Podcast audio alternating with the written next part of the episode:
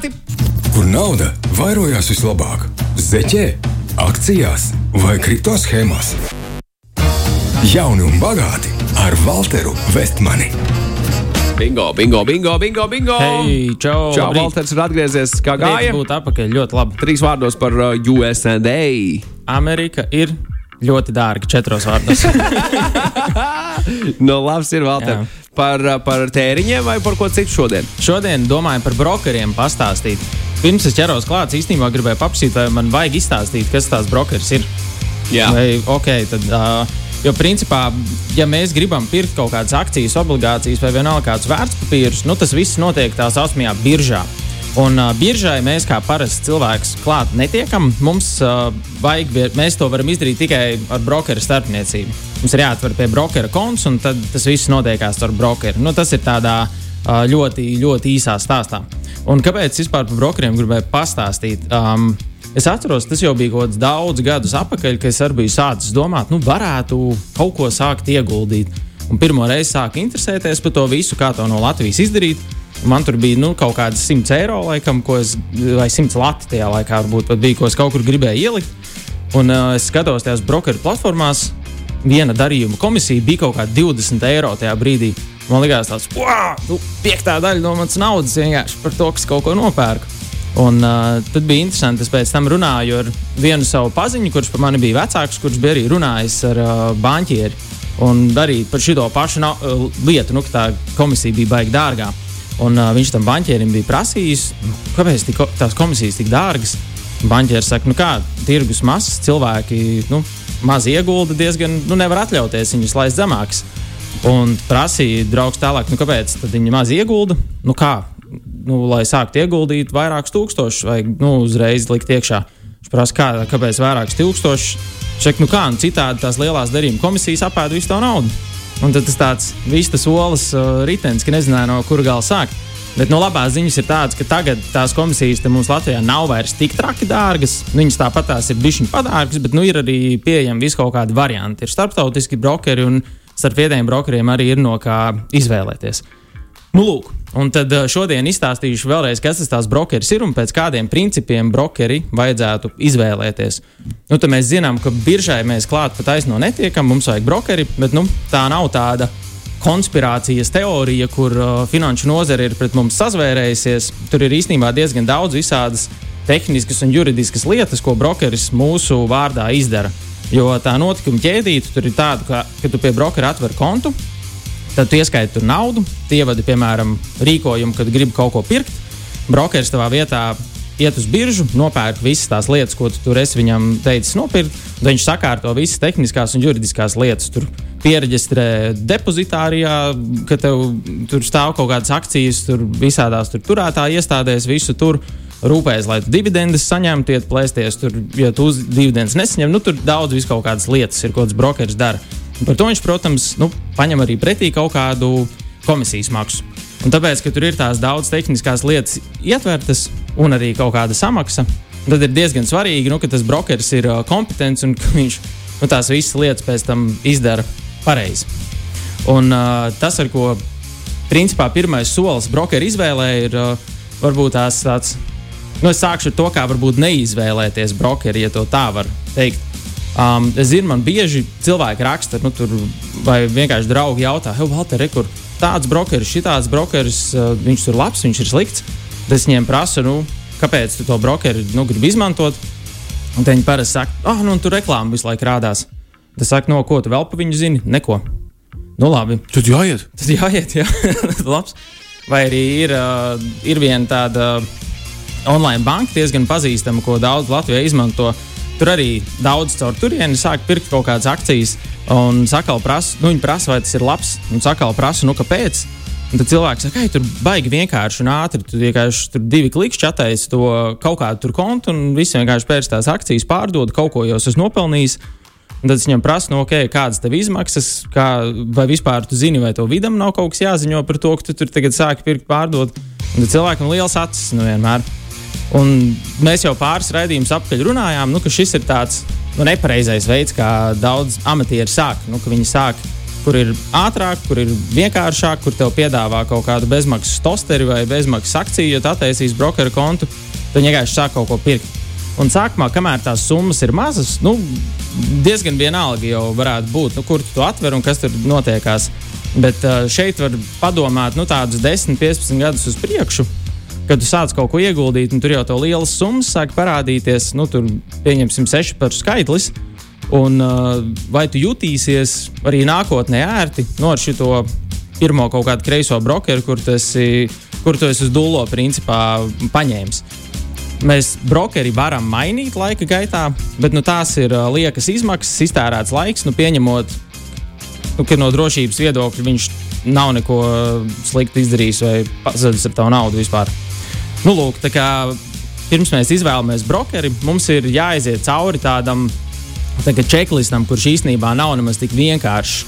Jo pirms mēs ķeramies pie paša brokera klāt, vajag saprast, kāds ir tavs ieguldījumu mērķis vai tas ir aktīvi treidot, ko es nu, neiesaku vienu darīt, vai arī tas ir veidot ilgtermiņa ieguldījumu portfeli. Uh, piemēram, būtu, cik bieži kaut ko pirksi pārdos, likšu iekšā, ņemsi ārā. Nu, no tā, tas noteiks, kādām komisijām to jāpievērš uzmanība, jo brokerim daudz dažādas viņas ir.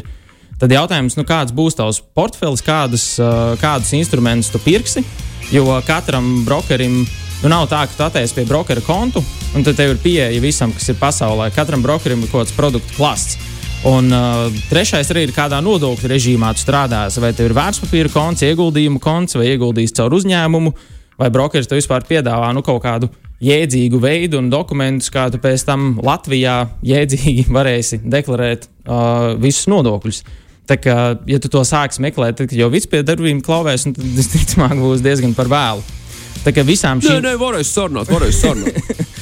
ja tu vispār arī tiksi klāt pie tiem brokeriem, jo, piemēram, tādiem fintekiem, nu, to ar robotiem tikai var pačatot. Zvan, nu, nav pat īsti kam uzrakstīt un kam kaut ko pajautāt.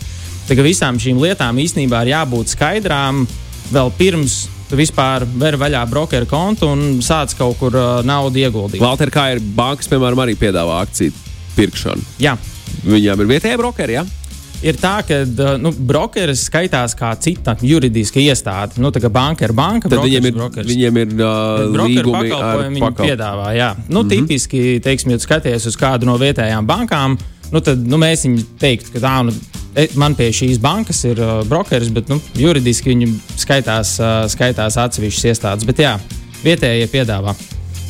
Un uh, ir tā, ka ir, ir vietējie brokeri un ir uh, starptautiskie brokeri. Un katram ir savi kaut kādi plusi un savas kaut kādas, uh, savu plusu un savu mīnusu. Mīnus tas, ka fīri jāmaksā. Fīri visiem jāmaksā. Tas ir. es uh, jokojos.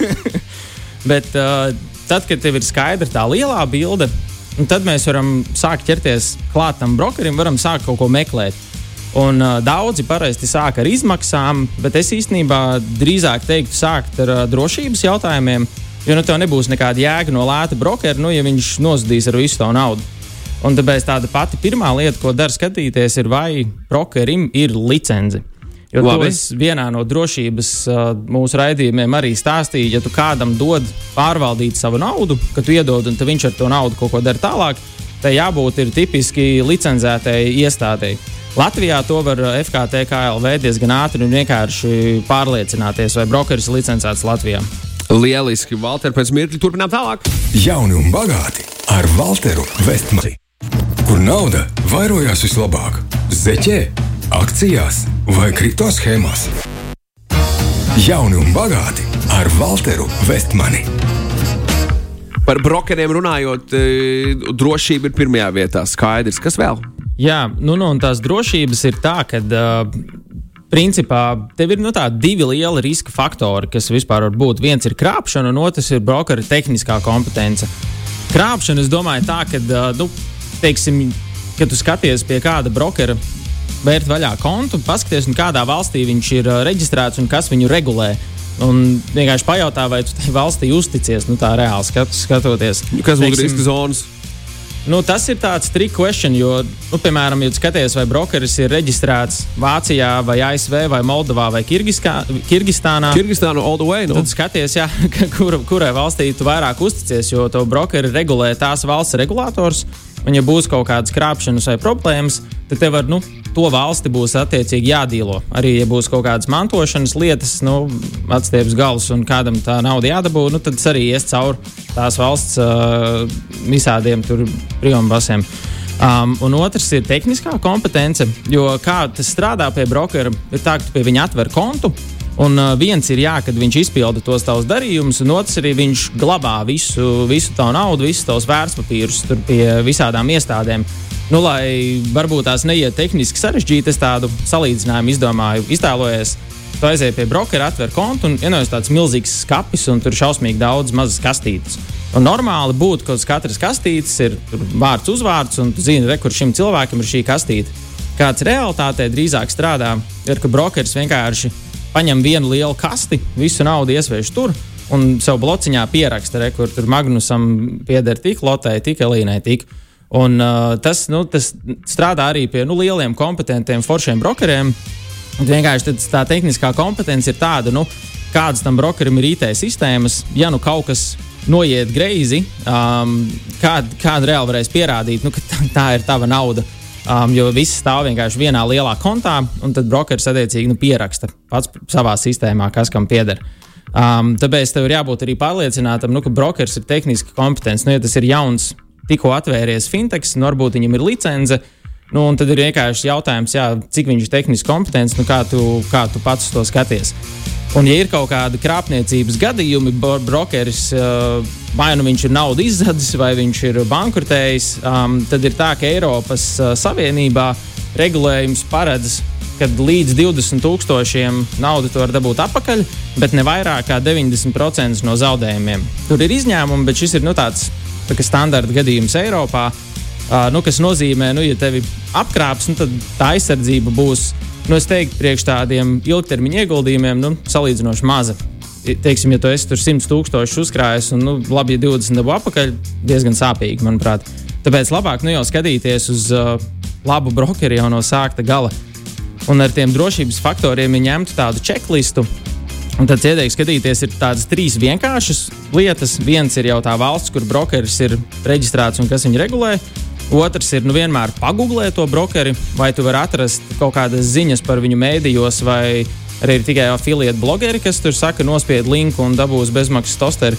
Um, kāds ir klientu servis un pieredze? Vai tas ir, teiksim, nu, ja ir problēma gadījums, vai tu tiksi ar kaut kādu reālu cilvēku parunāt? Jo tev var iztēloties atkal, ja tev pārdesmit tūkstoši tur stāv, pēkšņi tur superforšs, moderns fintechs, bet viņam algoritmam kaut kas nepatīk, viņi iesaldē tev naudu, un trīs mēnešus nevar pie viņas tikt klāt. Nu, es negribētu savu naudu tādu gadījumu Un tad uh, otrs drošības lietas ir tādas tehniskākas, kad var skatīties brokera izmēru, cik viņš ir uh, liels, cik viņam daudz klientu. Nu, šeit es teiktu, tāds size does matter. Nu, tipiski lielāks ir labāks.